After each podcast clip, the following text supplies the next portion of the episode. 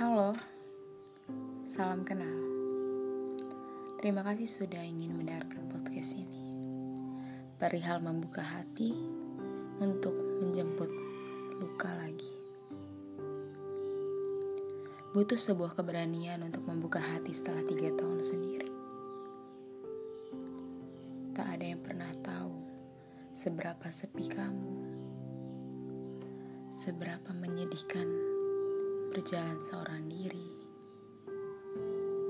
berlari di atas kaki sendiri, meski kaki, tubuh penuh dengan luka. Lukanya memang tak tampak, tapi terus membuat kamu merasa lumpuh, sakit, dan hilang arah. Perjalanan tiga tahun yang tidak mudah untuk kita lalui. Aku memupuk semangat untuk berdiri tanpa kamu. Membangun emosi dan membuat aku belajar bagaimana caranya membahagiakan diri sendiri. Sampai suatu ketika aku menemukan seseorang yang baik parasnya, lucu tuturnya, dan memberanikan diri untuk membuka hati lagi. Orang yang sangat aku cintai, yang aku sayang, menyayanginya dengan utuh.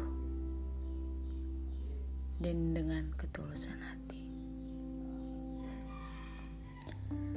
Setiap hari yang aku lakukan hanya menemani dirinya, menjalankan apa yang dia inginkan, menjadi diri yang dia mau, padahal sebetulnya tidak perlu. Aku hidup untuk diriku, kebahagiaanku. Secara tidak langsung, aku kehilangan diriku lagi. Aku harus hidup sesuai dengan aturannya. Kamu gak boleh pakai pakaian yang seksi ya.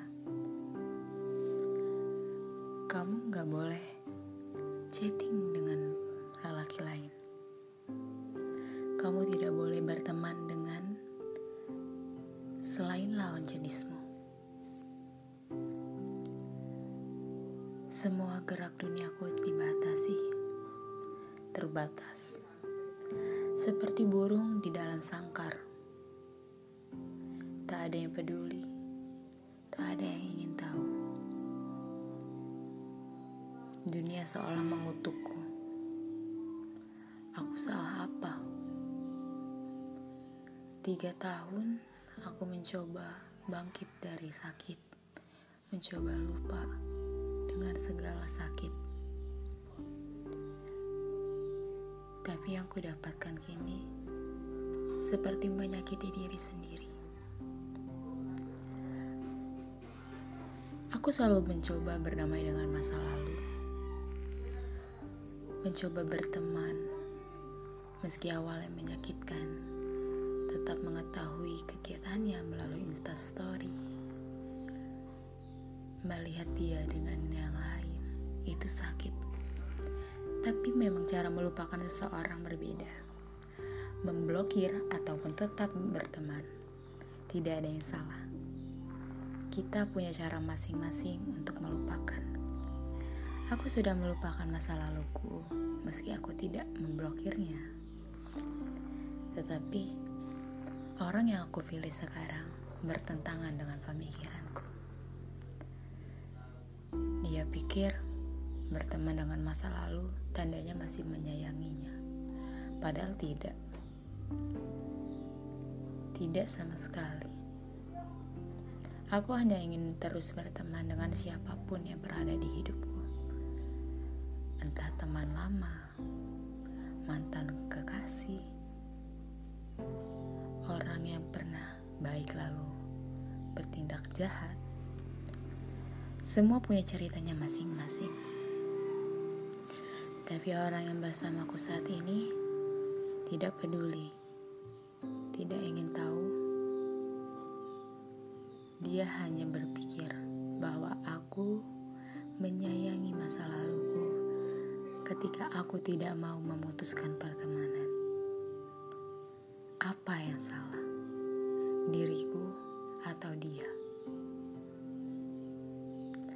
Aku selalu berpikir, Bagaimana bisa aku berhenti menjadi diri sendiri untuk membahagiakan orang lain? Terlihat sangat bodoh, bukan? Kehilangan diri sendiri untuk mendapatkan cinta. Aku luka lagi, menyambut luka untuk diri sendiri. Sekarang dia memutuskan untuk pergi dari hidupku. Katanya, aku sedihnya. Katanya, aku sudah menghancurkan kepercayaannya.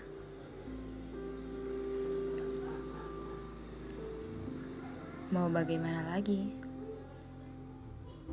Mau dipertahankan sebagaimana lagi? Kalau yang dipertahankan, tetap bersikeras untuk pergi. Apa yang salah?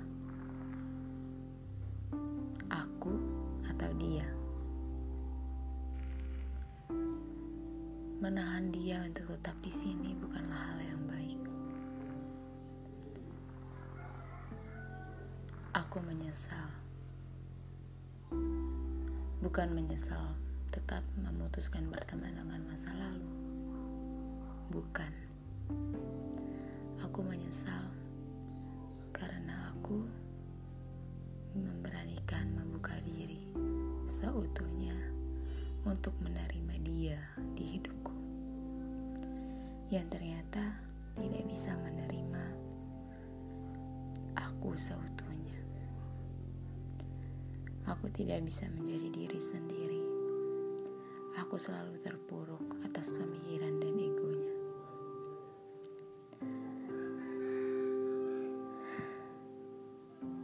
Aku berhenti ya. Tidak akan lagi aku mengganggu kamu. Tidak akan lagi aku mengikuti egomu. Aku akan kembali menjadi aku. Semoga kamu bisa mendapatkan seseorang nantinya. Seseorang penggantiku yang mampu mengikuti egomu. Seseorang yang mampu menjadi apa yang kamu mau. Seseorang yang mau hidupnya diibaratkan seperti burung di dalam sangkar. Aku pergi ya, bukan karena aku tidak cinta tapi karena mempertahankan hubungan yang seperti ini hanya akan menyakiti kita satu sama lain. Sampai jumpa, sehat selalu, dan jangan pernah lupa makan. Aku tidak ingin melihat kamu menjadi kurus. Tetaplah makan dengan sehat dan teratur. Hidupmu masih panjang, mimpimu masih patut diperjuangkan. Selamat